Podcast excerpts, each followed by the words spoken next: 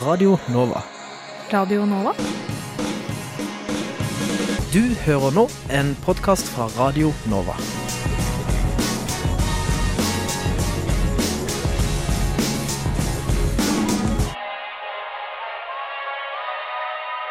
Og skyte inn da for de som måtte være interessert. eh, Trikken kommer seg forbi. Så jævla spennende var det ikke. Men jeg lurer på hva i alle dager den, eh, hvorfor den står med blålys der borte. Det. Uh, fant fram en yum-yums Oi, nei! Hva var det? i huet? Ja, jeg ble bæsja i huet. Jeg, Se på huet mitt. På toppen av huet. Uh, nei. Jeg fikk jo noe midt i skallen her. Jeg også. Jeg Vi fikk begge to noe i skallen. Faen! For det var en bæsj, eller? Det må ha vært bæsj. Det var Du, det er det. Det er For du har noe Det er bare noe dråper på ryggen. Faen, men Fikk du den i, i I huet? bakhuet. Ja, jeg fikk den midt oppå. Men det var faen hva slags bæsj? Ja, jeg ser, ser på panna di. Det Nei, renner. renner bæsj. Det renner Renner bæsj. Nei, er det sant? Bæsj? Er det, er det hvitt nå, eller? Ja. Nei, nei, nei, nei, nei, nei, nei, nei, nei. nei. i. Nei, Fy faen, da. Altså, du ble bæsja foran i panna. Jeg ble bæsja i bakhuet. Helvete. Faen, da. Åh, nå har det ikke noe gøy lenger. Nei, Det var ikke Det, det var litt gøy òg, men Det er ikke noe gøy. Jeg har ting jeg skal Se. etterpå. Dritt i panna. jeg se bak. Hvorfor brekker jeg meg? Det er jo ikke ekkelt i det hele tatt, egentlig. Altså, Jeg, jeg kjente, altså, hos meg så var det, traff bare ett sted. Det traff sånn solid i bakhuet. Ja. Og mens deg traff det så- Det traff meg litt sånn foran på hodet, så det bare renner gjennom sveisen og så ned i panna. Men Faen, men- Det som er døvt, er at vi må fortsette å lage radio. Vi får ikke gjort noe med det før om Hvorfor hoster du nå? jeg brekker meg litt. Ja, jeg også. Det, er, rart. det lukter jo ingenting, og jeg ser det ikke engang. Nei, men jeg, jeg veit at jeg må sitte en halvtime. Bæsj. Faen, da. Hvor er den? Det må sitte i tre rett over oss. Jeg syns det er verre at jeg er bæsj i hånda. ja, jeg òg. Og at jeg bæsjer i lyggen. Jeg skal møte nå etterpå. Altså, Jeg skal, jeg skal et viktig møte. Jeg rekker ikke å gjøre noe med det. Men var det, tror du det var to fugler eller én fugl som bæsja på oss? Men det må jo ha vært to. Spytta jeg på deg. Nå lo jeg som jeg spytta på deg. Harka jeg på jakka di. Faen, å herregud. Fy faen. Hva faen, hva som er oddsa for det? Jeg skjønner ikke hvordan det kan skje. Vi sitter jo, Det er jo 40 cm mellom Ja, men. Det kan være med spredning, men det som det, det har var ikke vært, kanskje den har vært i flight. Så den har sånn boom. At det var en lang en, liksom. Vi ble bæsja i huet begge to. Altså. Det lukter ingenting. Det er fugl med litt størrelse òg, det her, altså.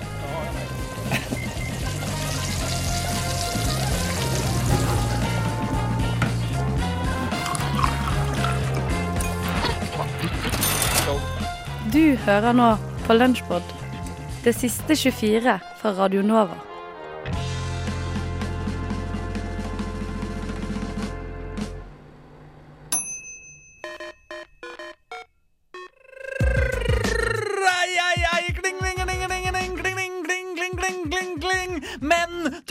Sølv, damer tar gull. Menn drikker øl, dame blir full. Gubben tar lønna, og blir de skilt, kan det være bankers garantert at kjerringa tar rønna. Nei da, du hører ikke på Sutrende mannerettsforenings ukentlige podkast som hver eneste onsdag fra 9 til 10 forteller deg om hvor stygg man blir hvis man er tilhenger av noenlunde fri abort. Nei da, du hører heller ikke på Ramløsa, broren til han Morten Ramm sin håpløse podkast hvor han drar elleville vitser og viser at han syns det er kjempegøy med småtjukke menn i skidress. Nei da, du hører virkelig ikke på den nye russelåta til Tix, hvor det eneste man lurer på er om vi klikker og knuser radioen i tide til å slippe å høre slutten av låta hvor han stapper i folk kjip dop for å bedrive seksuelle overgrep mot dem litt sånn for moro skyld. Nei da! Du hører faktisk på Spillmatic, verdens beste radioprogram om dataspill, hiphop og forsøksvis dokumentasjon på mannlig underlegenhet, om ikke annet, så i hvert fall i skisporet. Ja, vi innrømmer å se for mye på ski-VM, men vi lover, vi rekker å spille litt grann dataspill likevel, og det, mine damer og herrer, skal denne podkasten handle om. Og de tre tilstrekkelige typer som skal fylle eteren i dag på samme måte som i forrige uke og uka før der og måneden før der og året før der, er følgende. Det er Øystein Engedal, tekniker, ispilker, flisespikker, grisedrikker. Det er Aslak Borgersrud, programleder, superleder, undermåler, bedreviter og sengeveter. Og det er Erling Rostvåg, gjesteredaktør, festbrems av valør, restavfall med litt odør. Sammen er vi henta to uker for seint av Veireno. Vi er kildesortert, rekommunalisert og representerer nå 2000 og konkursbo. Velkommen skal du være. Jeg har egentlig sagt det, men jeg kan si det en gang til. Radio Nova. DAB og nettradio. på radionova.no. Jeg har egentlig sagt det, men jeg kan si det en gang til. Radio Nova. eh, nå skal vi ha en liten reklamepause. Jeg elsker reklame. Syns reklame er så gøy. Dessverre. Radio Nova er finansiert av staten, tror jeg. jeg? Dessverre for oss. Dessverre for oss. Så vi har ikke reklame. Finansiert av staten. Derfor, Høres dritkjipt ut, for å være helt ærlig. derfor så skal skikkelig vi nedtur lage reklamene. OK, Maja velger tall mellom én og tre. Tre. Nora? Greit. Da begynner jeg. Og Nora, du kan jo gi meg et tema for reklamen. Her kommer altså litt improvisert reklame. Og vi håper at du koser deg med den lille reklamepausen her. Jeg vil at du skal reklamere for den rosa drikkeflasken du har bak deg. Skal du på trening? Skal du på skolen? Skal du bare gå tur i parken med hunden din? ikke drikkeflaske. Den er rosa. Og den spruter ikke, med mindre du trykker på den. Deilig Nike drikkeflaske. Du kan fylle den med vann, shakes, melk Helst ikke melk, for den kommer til å bli sur ganske fort. Kaffe? Nei, ikke det heller. Vann, i hvert fall. Vann er bra for kropp og sjel. Nike drikkeflaske for alle som drikker vann.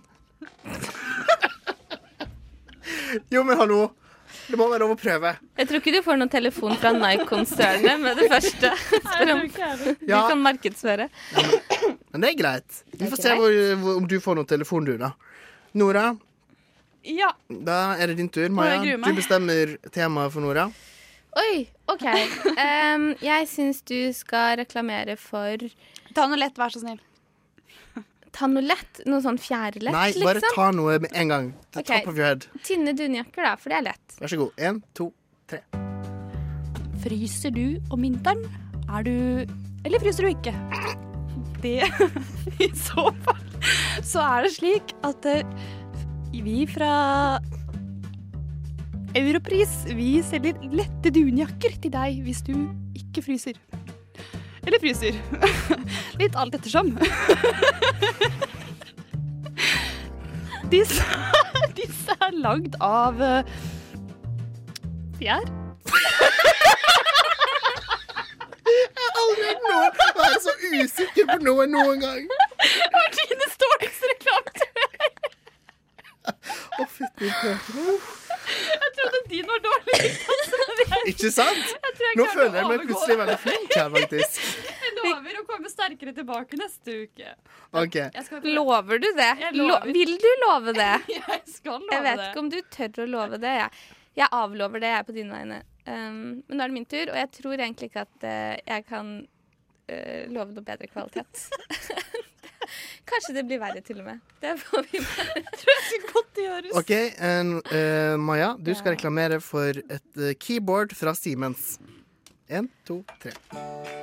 Hei, hei, der ute er du musikalsk. Har du sett på La La Land og ble inspirert og tenkte faen, nå skal jeg også lage litt musikk sjøl? Siemens keyboard, perfekt for deg som elsker Alicia Keys og kjenner en som heter Simen. Simen keyboard for deg.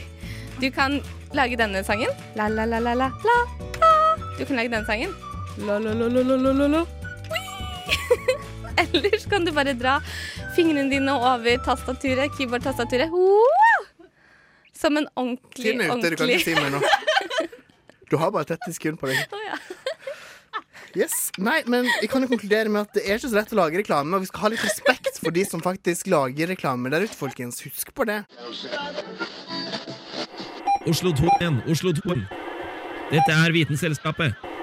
Radio November, Oskar, Viktor, Alfa.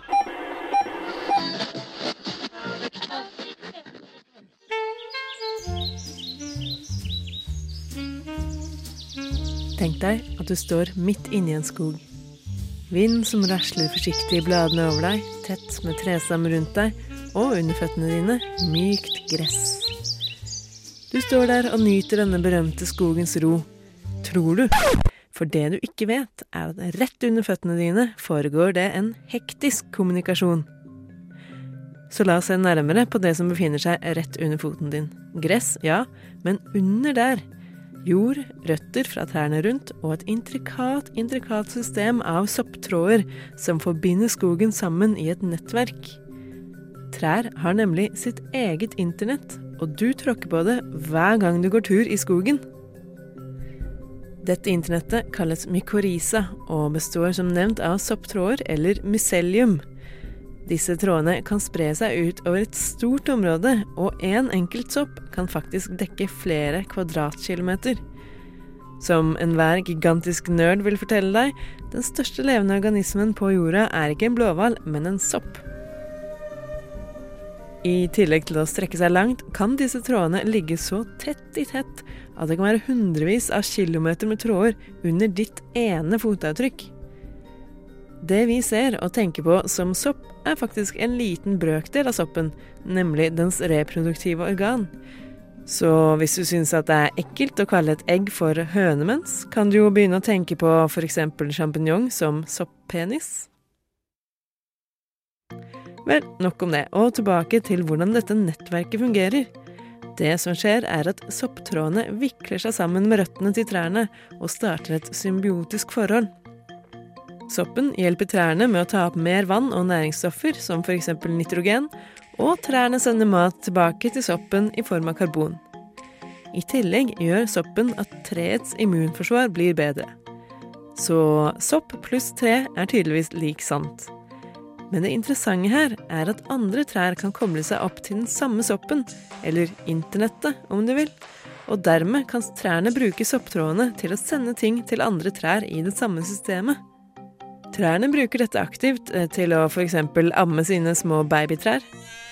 For at yngre trær skal ha større sjanse for å overleve, kan nemlig modetreet sende karbon og andre næringsstoffer med soppekspressen, og på den måten hjelpe det lille treet til å vokse seg stort i en tøff skogshverdag. Nettverket kobler ikke bare sammen trær av samme art, men også andre trær.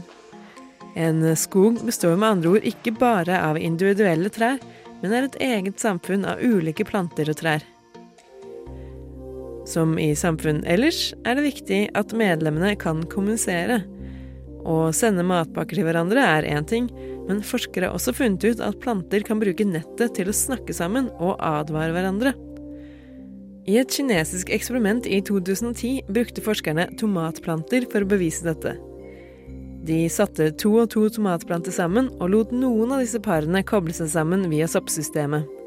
Så spraya de ett av bladene på den ene planta med en plantesykdom, og pakka planta inn i plast, slik at de var sikre på at plantene ikke snakka med hverandre over bakken.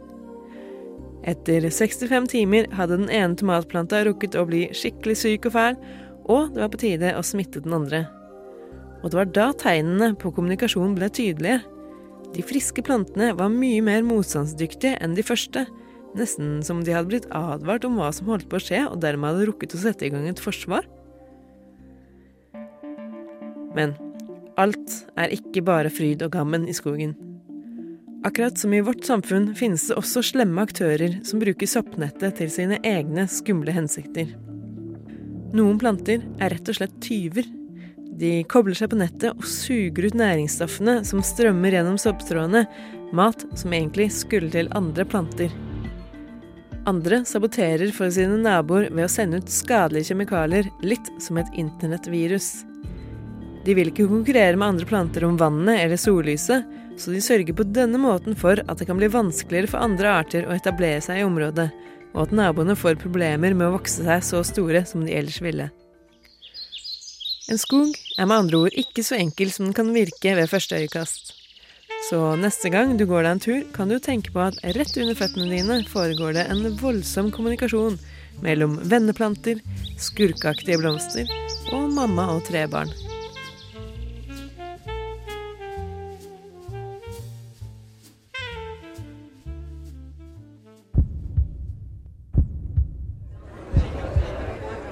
Unnskyld meg, kan jeg kommentere det der? Opplysningen kommenterer. I fjor var det ett ord som bokstavelig talt var på leppene til mange nordmenn. Doping. Mye har blitt sagt og skrevet om dette siden i fjor sommer, og dette er ikke en oppramsing av det.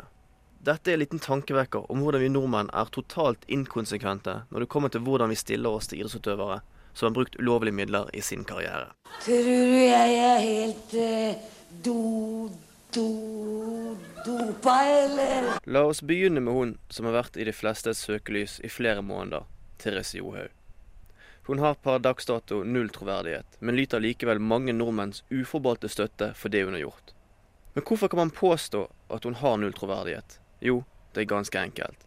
Dette sa hun til TV 2 i fjor sommer, før hun ble tatt for doping. Du tar ikke ting du får tilbudt om det er en salve eller om det er en te. Du sjekker alt. Jeg har jo slettet med mye munnsår opp igjennom og fått ganske mange salver av folk her og der. Så jeg tar, kan jo ikke ta noe av det, for jeg er livredd for at eh, det skal være noe til det som jeg kan eh, bli tatt på. Så jeg dobbeltsjekker ting én og to og tre ganger, for å si det sånn, om jeg kan ta det. Uker senere sitter Jo på en pressekonferanse og bedyrer sin uskyld, samtidig som hun legger all skyld på legen sin etter å ha testet positivt for klosterbol. Johaug har altså på få uker gått fra å være 'jeg dobbeltsjekker alt flere ganger' til 'jeg tar bare imot en salve, sjekker den ikke og legger alt ansvar på legen min'. Johaug har til dags dato enda ikke innrømmet at hun har gjort noe feil, og bedyrer fremdeles sin uskyld. Denne dopingparodien fikk et nytt høydepunkt denne uken, da Marit Bjørgen fortalte NRK at hun ville dele gullmedaljen sin fra 15 km i Lahti-VM med Johaug. Det er også en medalje jeg vil dele med Therese Johaug. Før jeg reiste til VM, så sa jeg at jeg skal, jeg skal gå for det, Therese. Og jeg hadde henne i bakhodet. Jeg skal bare prøve og prøve. Så det var en medalje for Therese. Og som da mange i det norske folk stilte seg bak Johaug etter avsløringene i fjor sommer, får også Bjørgen støtte for sin hyllest av sin dopingdømte lagvenninne. Men spørsmålet er da vil de samme menneskene som støtter Johaug Bjørgen, også stille seg bak f.eks. Alexander Kristoff hvis han føler for å dele en Tour de France-triumf med denne mannen? Armstrong leading up. Is he going to unleash one of his fearsome finishes? Lance Armstrong sprints away. Armstrong stays leader of the Tour de France. And tonight... Nå er det sikkert mange som mener at man ikke kan sammenligne Johaug og Lance Armstrong. Armstrong var systematisk dopet over flere år, mens Johaug ville lege en sår leppe. Men rent juridisk er de i samme bås. Systemet er ganske enkelt. Er man tatt i doping, så er man tatt i doping. Men la oss se litt på Lance Armstrong. Han er en mann som i dag er persona non grata i de fleste kretser, og som skal i retten senere år saksøkt for 100 millioner dollar av den amerikanske stat, og merkelig nok også sin dopingtatte tidligere lagkamerat og varsler Floyd Landis. Armstrong var en jukser, og han vant syv Tour de France ved å jukse. Armstrong er i norsk presse og av norske sportsjournalister latterliggjort og vil til evig bli sett på som en av de største doperne av de alle. Han er kanskje mer forhatt enn noen andre idrettsutøvere noensinne. I sterk kontrast til han her. Enrique Diego Armando Maradona, dos hombres, se le fue los dos. Maravilloso, está agrandado, está con todas las luces. Se va Diego, otro más, sigue Maradona, busca el área, está el segundo, va a tirar. ¡Gol! ¡Grítenlo! Men no, se llama Maradona. Diego Maradona, regnet av mange som en av de, om ikke den beste fotballspilleren gjennom alle tider. Men la oss se et nærmere på seg han. For Maradona er også en juksemaker av ragn, Og nå tenker jeg ikke bare på det berømte Guds håndmål mot England i VM 86 i Mexico. For Maradona har ikke blitt tatt for ulovlige stoffer bare én gang, men to. Første gang var i 1991, da han testet positivt for kokain, et stoff han ble introdusert for på tidlig 80-tall. Maradona sin andre dopingskandale kom under VM i 94 i USA, da han testet positivt for efedrin. Men til tross for at han har levert to positive dopingprøver i sin karriere, og har støttet diverse narkotikakartell gjennom tiår med kokainmisbruk, blir Maradona hyllet av fotballspillere og fotballtrenere, samt sportsjournalister som en av tidenes største innenfor sin sport. Både Maradona og Armstrong jukset og brukte forbudte stoffer. Men istedenfor å bruke penger og fritid på kokain, som Maradona, startet Armstrong mens han var syklist, en organisasjon som har samlet inn flere hundre millioner dollar til kreftforskning. Men likevel velger vi altså, når vi skal først hylle en juksemaker, å hylle en som har støttet organisert kriminalitet i tiår, istedenfor en juksemaker som faktisk har prøvd å gjøre noe godt for verden gjennom kreftsaken. Men har dette noe med Johaug å gjøre? Ja, det har det. Eksempelet med Armstrong og Maradona viser hvor inkonsekvente folk er i sin mening om idrettsutøvere som har blitt tatt for bruk av ulovlige stoffer. Og denne inkonsekvensen gjør alle som en til en gjeng med hyklere. For som nevnt tidligere, doping er doping, uavhengig av hva, hvor mye eller hvem. Therese Johaug er ikke et offer for systemet. Therese Johaug er ikke et offer for en legefeil. Therese Johaug er et offer for sin egen inkonsekvens og inkompetanse, men det kommer hun sannsynligvis aldri til å innrømme. Og så lenge hun ikke greier å innrømme egne feil, har hun null troverdighet. Eh, dobbeltsjekke ting én eh, og to og tre ganger, for å si det sånn, om eh, jeg kan ta det. What? Radio nå. Onsdag ble det bestemt at huskomiteen avslutter utredningen og flytteprosessen mot St. Olavs gate 32. 140 medlemmer var til stede på møtet da dette ble avgjort, og det var en lang og til tider opphetet debatt. Vote remain. Da har vi kommet til saken som jeg antar de fleste av dere er her for. Hvorfor må vi ta denne beslutningen nå? Fristasjon. Fristasjon. Fristasjonslokaler innebærer stort sett at eksempelvis Universitetet i Oslo betaler leie og elektrisitet for de fasilitetene. Det er noe helt annet. Skal du ha 9000 kvadratmeter et annet sted og betale for det sjøl, enn om noen andre gjør det?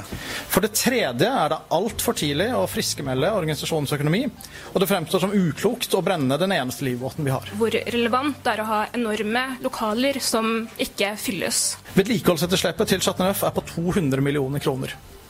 Og er hovedgrunnen til universitetets skepsis til videre pengebruk utover sikring av by- byggets verdi. Er, vi stemmer ikke sånn nå på om vi skal bli på Chateau Neuf for evig og alltid og aldri flytte noe sted. Vi stemmer på om vi vil begynne en eh, prosess med eventuell flytting på en helt annen måte. Det er ingen sammenheng fra deres side mellom eh, flytting og drift og vedlikehold. Dette handler om helt andre forhold. Vi får fortsatt penger til vedlikehold og drift. At dere går og spør universitetet om noe annet, og at vi sier at vi ikke får penger, syns jeg faktisk er litt kritikkverdig her. Denne prosessen er ikke verdt støyen og usikkerheten, og hvordan det går ut over denne organisasjonen. Hva er det denne prosessen skaper av støy?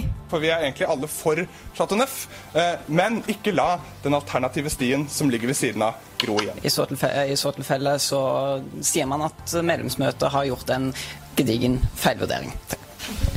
Ok, Det er eh, levert eh, 142 stemmer, eh, og det blir eh, vedtatt at arbeidet skal avsluttes.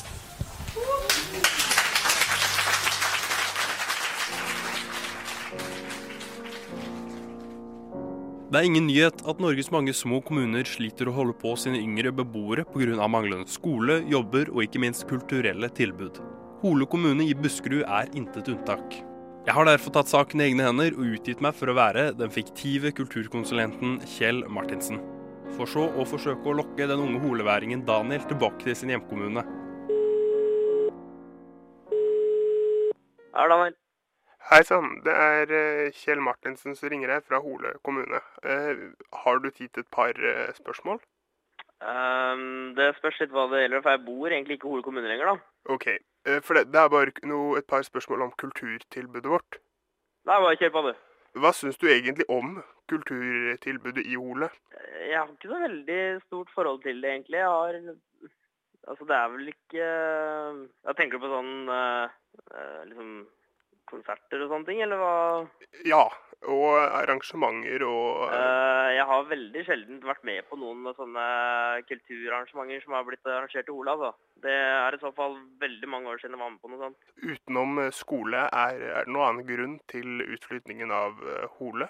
Uh, ja, altså ta, prøve seg litt på voksenliv og prøve å og det å bare bo i en litt større by, da. Uh, Jeg har bodd stort sett hele livet mitt i Hole, så tenkte jeg å og bodd litt i storbyen en liten periode òg, og litt sånne ting bare. Ja, akkurat, akkurat. Hvis, vi, hvis du kunne rangere kulturtilbudet i Hole fra én til ti Altså Bare for, for min del, altså min interesse, så ville jeg nesten satt det på nede på en fire-fem. altså.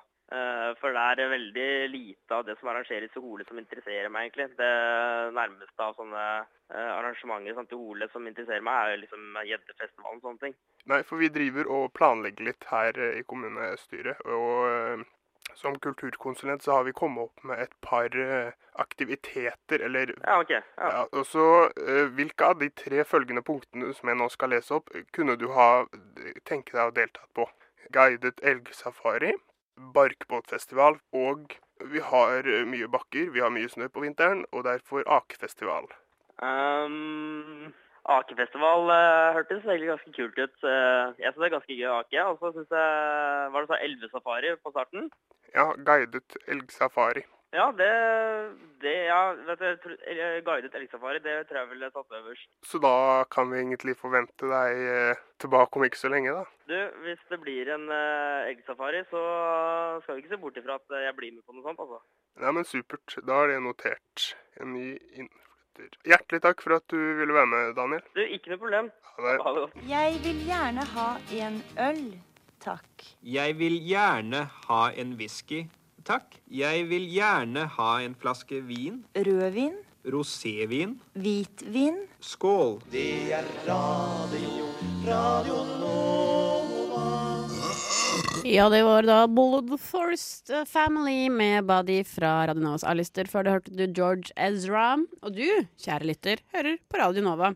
Heldig Um, gris. heldig gris. Vi har jo snakket litt om film i dag. Ja, mye Og film. Jeg sa i stad at jeg skulle presentere liksom en topp eh, fem flauser fra filmsettet som jeg har funnet. Mm. Uh, flauser er kanskje litt uh, slemt å si, siden dette her er jo fatale ulykker alle sammen. Oi, oi, oi. Men altså, jeg har sittet og bare sånn Det er flaut når man dør, da. Oh my god, is it even possible? What, man? det har skjedd mye, for å si det sånn.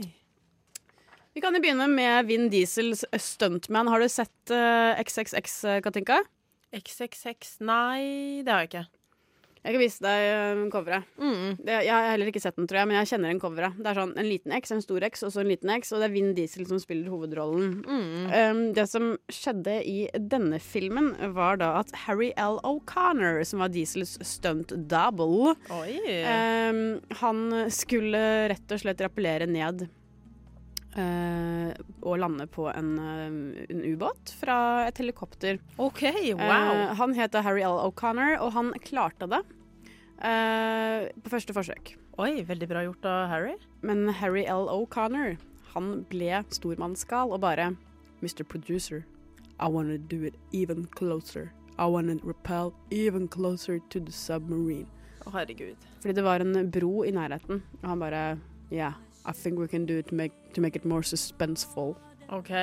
Så de filmet og kjørte på, og det ble mer suspenseful, spesielt da Harry L. O'Connor rett og slett um, krasjet uh, i uh, denne broen i uh, høy hastighet, og døde da momentant av slag.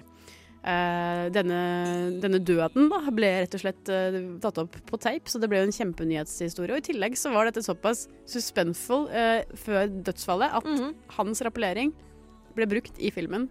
Så hvis man ser på XXX, så ser man en mann som rappellerer ned på ubåt. Det er ikke Vin Diesel, det er Harry L. O'Connor i sine siste øyeblikk som levende. Det her det jo, gir jo meg lyst til å få se, Ja. se filmen, bare for å Det, se det altså, det er kjempegod reklame for filmen. Shit. Men, uh, Men er det en heder, eller er det liksom litt feil å bruke det klippet når han faktisk døde midt i Ja, det er et intervju med familien her, og de sa jo at det var jo helt jævlig, fordi at uh, hele dødsfallet ble jo tatt opp på, um, på tape. Mm. Uh, sånn at eh, man måtte sitte og se på liksom, han som ble fløyet vekk, og, og de fikk ikke beskjed. eh, om at han var død før de så det på TV. Tuller du? Det var, sånn, det var Vin Diesels eh, stuntman, og de bare sånn Ja, det er jo én stuntman, og det er broren min. Ja, ikke sant. Han Så døde. står uh, We had a terrible time getting his body home for burial. The media showed a great deal of footage, including the body bag being zipped up at the scene. Oi, Um, og han sa altså this oversharing caused our parents to spiral in their health. De fikk hjerte heart attacks, stroke, som er slag, og very shortly after moren døde. Nei. Ja, det ble for mye. Oi, oi, oi. Rimelig kjipt. Det var ikke så bra. Ja. Det var faktisk en helt Um, forferdelig ulykke. Men det blir ikke bedre, skal du se, jenta mi. Fordi at vi skal Skal vi se, det er jo veldig mye gode historier her. Um, men uh, for eksempel da The Crow. The Crow Mhm, ja. uh, med Brandon Lee fra 1994. Um, det som skjedde i en av scenene, var at de skulle bruke en 44 magnum Altså 44 millimeter magnum. Ja, for de ja, skulle ja. skyte. Mm. Ikke sant? Eh, og da bruker man jo sånn her eh, krutt. Kruttlapper, da. Jeg, jeg Mm, aner ikke hva de bruker, men det står i hvert fall sånn pulver. Kruttpulver. Kruttpulver. Ikke kuler. Eh, skulle skyte da på en annen um, person som het Lee til etternavn. Altså Bruce Lees sønn, faktisk. Ja som vel, ja. spilte da motparten til Brandon. Mhm. eh, til Brandon Lee. Det som var Problemet var at de hadde ikke sjekket om det faktisk var en kule i magnumen først. Så da han skjøt, så skjøt han rett og slett Bruce Lee sin sønn. Og han døde? Han døde. Å, han ble skutt herregud. rett i magen eh, og døde da av blødning. Det er jo helt sykt når man skal drive med sånn. At, man, at det er ingen som liksom bare tenkte på å sjekke. min at Men herregud, off, nå, og nå blir det skikkelig ille. Å nei. Fordi det er en film som heter The Twilight Zone fra 1983. Ja, ja. Eh, det var da før det var noe særlig det noe sånn HMS og sånt noe på filmsettene. Ja. Eh, og barne, barneskuespillere var vanlig. Ja vel, jeg var, ser hvor dette går hen. Ja, det var grusomt. Å, det er. Steven Spielberg var produsenten. Eh, og i denne respektive scenen så var det da et helikopter som skulle fly kort, eh, veldig kort over bakken. Mm -hmm. um, 25, eh, 25 feet, eh, 8 meter cirka, Ja. like over bakken. Hover, like a hoverboard. Oh, wow. Uh, det var da Mysa Din Le, som var syv år, og René Sin Yi Chen, på, som var seks år, sto på bakken da helikopteret skulle hovere over. De var litt for lavt, så det som skjedde, var at uh, disse bladene Nei, nei. rett og slett decapitated hodene til barna. Du kødder? Nei, så begge to ble halshugd av helikopteret, døde momentant, men ikke ålreit. Og helikopteret ble oh, stoppet opp og spant ut av kontroll, og krasjet like ved. Eh, alle i eh, helikopteret overlevde, men da to barn døde. Dette førte da til at det ikke var lov til å bruke barneskuespillere i slike produksjoner lenger. Altså, de halshogde Plopp, to barn? Ja, det er helt Pjo, sjukt. pjo. Pjo, pjo. Fy, det her er jo helt vilt, Kristina. Ja, jeg vet det. Det her er vilt. Det er ganske vilt, men er det egentlig De burde like bare- Altså, det er helt jævlig for at det er barn, men altså Det er nesten enda verre med The Conqueror, eh, som er da en film med John Wayne. Mhm. eh, 220 personer jobbet da på settet til, eh, til denne filmen. Um, og ca. 150 av de som, eh, som var der, de ble alvorlig syke med med kreft like etterpå. Kødder du? Eh, 46 av dem døde ganske fort. F.eks. For John Wayne og, og mange andre skuespillere. Det som eh, skjedde, var at det var såpass mye radioaktivitet der at de hadde bare fått instant kreft, alle Nei. sammen. Alle 220 personene. Nei! Det er vært helt vilt! Ganske Og de har liksom ikke sjekka i det hele tatt. Så de har bare Alle fikk kreft. Og så John Wayne døde som følge av den filmen. Og det verste var at The Conqueror var liksom ikke Det var ikke en suksess engang. Kjempebra. Den ble dårlig tatt imot, Mm. og alle døde. Eh, men allikevel, vi skal tilbake til noe som vi, vi trenger litt mer livlig. Jeg vil til Troy, du vet Troya, den filmen, Ja, ja. med Brad Pitt. Mhm. Hvor da Brad Pitt, Orlando Bloom og Diane Kruger spiller sammen. Eh, det som er morsomt, er jo da Brad Pitt spiller rollen som Achilles. Eh, helt til å begynne med så ble jo hele settet satt litt på vent da eh, Brad Pitt, som spilte Achilles, hadde et lite uhell og røk da akilleshælen sin. Åh, det er morsomt. Eh, og så var det da en annen på settet som Skal vi se. Uh, som falt. Uh, og han, altså han var en kroppsbygger, og han falt og brakk beinet sitt. Eh, så da måtte vi vente to uker eh, til. Eh, men da han skulle ta operasjonen sin, så døde han av komplikasjoner. Nei. Han fikk rett og slett overdose, overdose av anestesi. What? og i tillegg til det så, så var det da to hurricanes, altså svære orkaner, i, i løpet av filmingen. som, som gjorde rett og slett at alt fløy vekk, og de måtte begynne på nytt. Det var jo ikke meningen at de skulle lage den filmen. Nei, men allikevel så fortsatte de, og gladsaken her er jo at dette her ble jo en ekstrem suksess, og Paramount var tilbake med supermillionoverslag og god stemning. Bortsett fra til han som døde av eh, for mye anestesi. Ja, det var bra det ikke var Brad Pitt. Det var veldig bra. Var, det Det vært pinlig, var ikke det litt mye syke greier? Det syns jeg var mye grusomme ulykker. Ja, det var det. Herregud. Eller flauser, da, som du mm, kalte det. Radio Novas viktigste kulturprogram. Men ikke si det til de andre. Spillmatic. Jeg tror jeg har sagt på lufta før, men da jeg var liten, så, Ja. var, eh, så hadde jeg litt lyst til å bli kjendis. Ja. Og en av de største, største oppsidene ved å bli kjendis Mm. Jeg drev jo litt med teater og sånn, da. Så sånn, foruten å liksom bli anerkjent for uh, f.eks. skuespillerprestasjoner, Ja. det var å kunne delta i Fangene på fortet. Det var altså ønskedrømmen. Ja. Så du kan tro jeg blei uh, litt misunnelig da jeg første gang så ikke én, men to folk jeg kjenner uh, delta på Fangene på fortet Mm. da den serien i et kort øyeblikk ble jevnopplivet. Eh, Etter noen år. dessverre kan jeg, kan jeg skuffe deg med at eh, det å konkurrere i akkurat den øvelsen jeg konkurrerte mot Oddbjørn Gjelmeseth i, det var ikke noen drøm. Eh, Nei. han eh, var jo, er jo sikkert fortsatt eh, en sånn, en sånn, uh, sånn, sånn, irriterende perfekt fyr, liksom. Ja, ja. Som er blid mot alle. Utrolig sportslig og liksom Kjempesterk og- ja, ja, sterk og tøff og gøyal og liksom sitter og gjør sånn insane business deals på bussen sammen med alle de andre. Hvor alle andre er sånn der Ja, nå er vi, nå er vi avdanka folk som skal liksom ha det moro i. Sør-Frankrike. Så sitter han og bare Ja, altså ja, Han snakker jo Mm. gjør han ikke det? Og liksom er sånn helt åpenbart sånn derre Ja, han er, bare, han er liksom i ferd med å avslutte skikarrieren sin. Han har liksom fire bein over i sånn ekstremt suksessrike management-konsulentkarriere allerede. Ja, Det Eh, er irriterende. Altså. Det var jo litt rått parti. Eh, Det var ingen konkurranser så vidt jeg husker, i den episoden som handla om å finne ord som hadde enderim på hverandre. Ikke sant? Eh, Det var til gjengjeld en hel haug med fysiske øvelser. Mm. Og det ene laget hadde drevet, bedrevet sport. Ja. Eh, Det andre laget Og ikke laget avslag. Ikke så mye. Ja. Nei, det, det, vi, vi kom ikke så jævlig godt ut av det der. der altså. Jeg husker at jeg, jeg måtte konkurrere med, med Øystein Pølsa Pettersen. Som Ja. altså er den mest muskuløse uh, mannen jeg har møtt i virkelig liv uh, noensinne. Ja, for det var fyren du ikke hadde hørt om før han staka seg til, til gull i sprint. Ja. Eh, ja, ja. Og, og, han, og jeg og han skulle konkurrere. Altså, jeg, jeg det, er, det er liksom ikke eh, Altså, Jeg prøver jo å ha et sjølbilde som, som ikke sier at jeg er liksom den verste pingla universet har sett, men jeg er liksom heller ikke eh, Altså, det er, det er liksom enda ingen som har prøvd å, å caste meg til superheltfilm, da. Ikke sant? Uh, men, men vi skulle da konkurrere Jeg uh, og, og universets sterkeste hulken mm. skulle konkurrere i sånn sykling med henda i sånne der ting som henger fast i en skinne over huet. Ja. Det er jo liksom en sånn helt der, umulig øvelse. Ja, det er helt umulig øvelse, liksom. Og, og, og jeg skal konkurrere den mot den eneste jeg, jeg har noensinne har møtt som har forutsetninger for å faktisk greie den.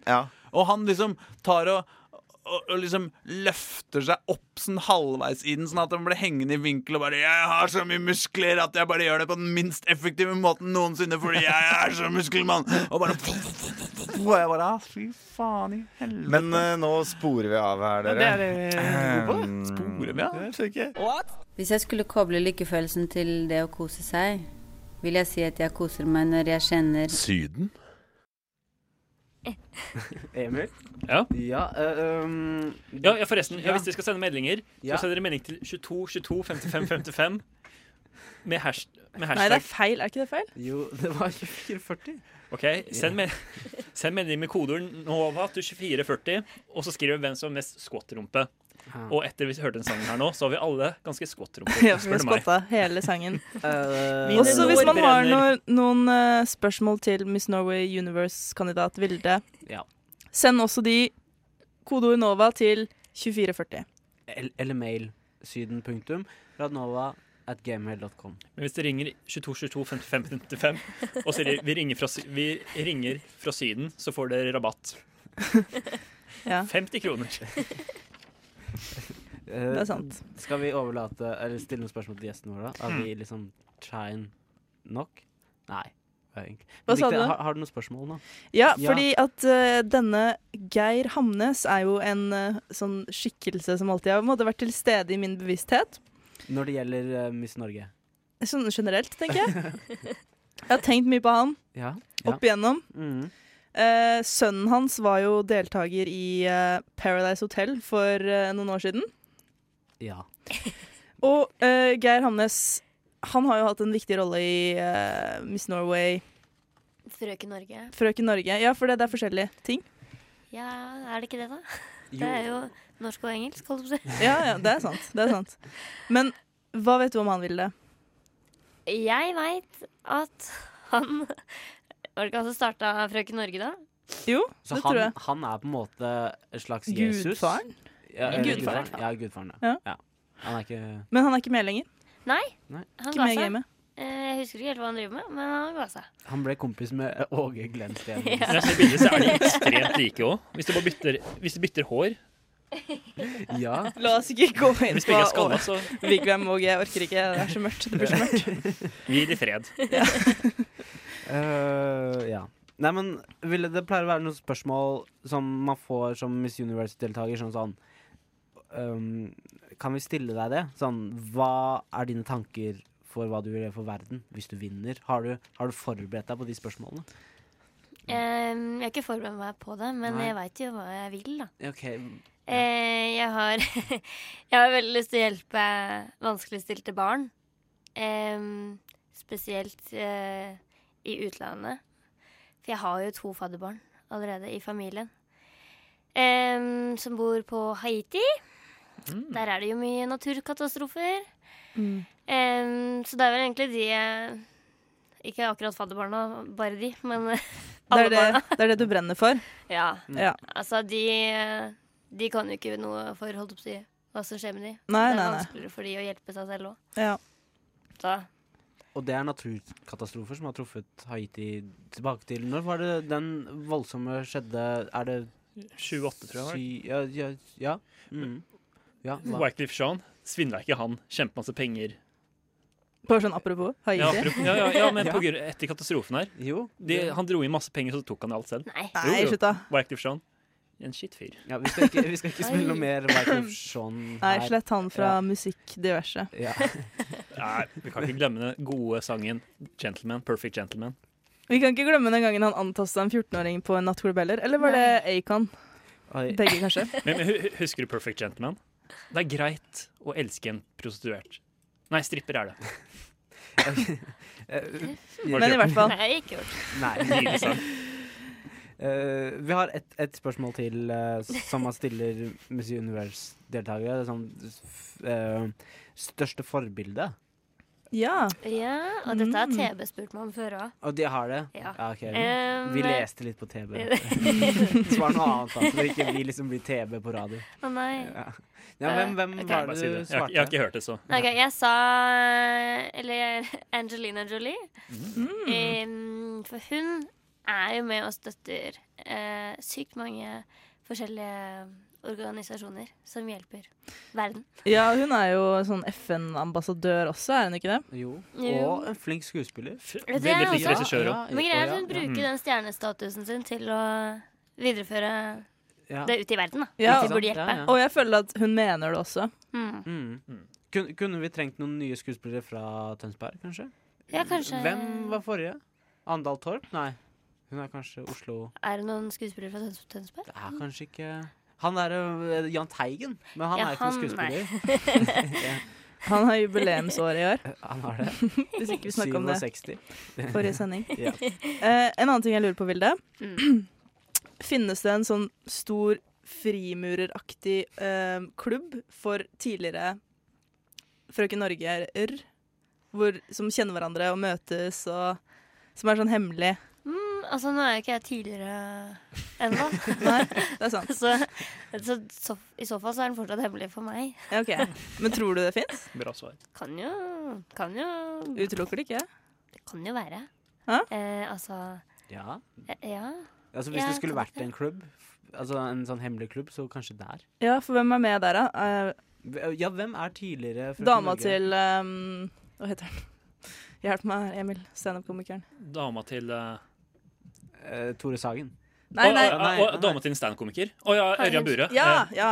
Ma eh, Marna. Ja. Ja, hun bloggeren. Ja. Mm. Mm. Mm. Men uh, hva med hun Katrine Sørland? Selvfølgelig. Mm. Hun Og Mona er- Gruth, da. Ja, Mona Gruth, ja. Den originale. The OG. Mm. Ja, hun, hun var jeg faktisk nabo med i, når jeg bodde i Trondheim. Yes. Kjempeinteressant. Ja, takk. Men, men ja, er det noen du ser opp til av de tidligere deltakerne? Mona Gruth? Ja, Hun er- selvfølgelig. Ja. Hun vant jo hele dritten, holdt jeg på å si. Ja. Ja, va- Vant hun i universet, og alt det? å si? Ja, hun, ja. Mm. Hun er litt sånn Kurt Nilsen da han vant Ja. World Idol. Ja, liksom bare sånn kom til USA og bare sånn Ja, Mm. kult. Mona Gruth, ass. Det er ikke så mange som har vunnet i universet. Når var det?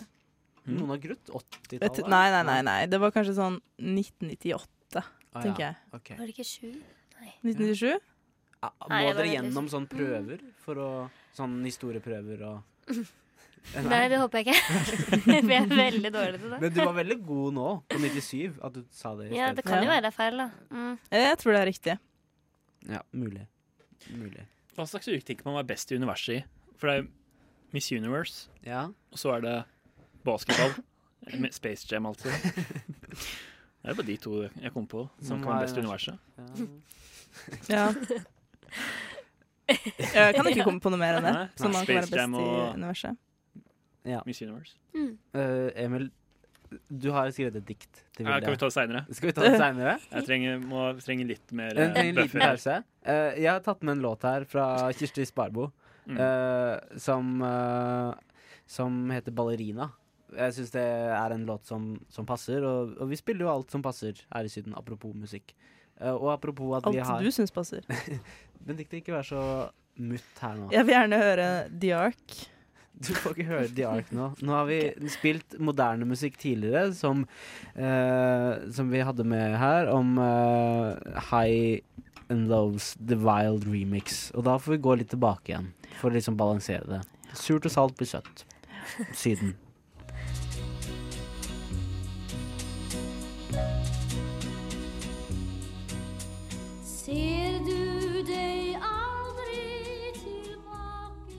Du har hørt en podkast fra Radio Nova. Likte du det du hørte? Du finner flere podkaster i iTunes og på våre hjemmesider radionova.no.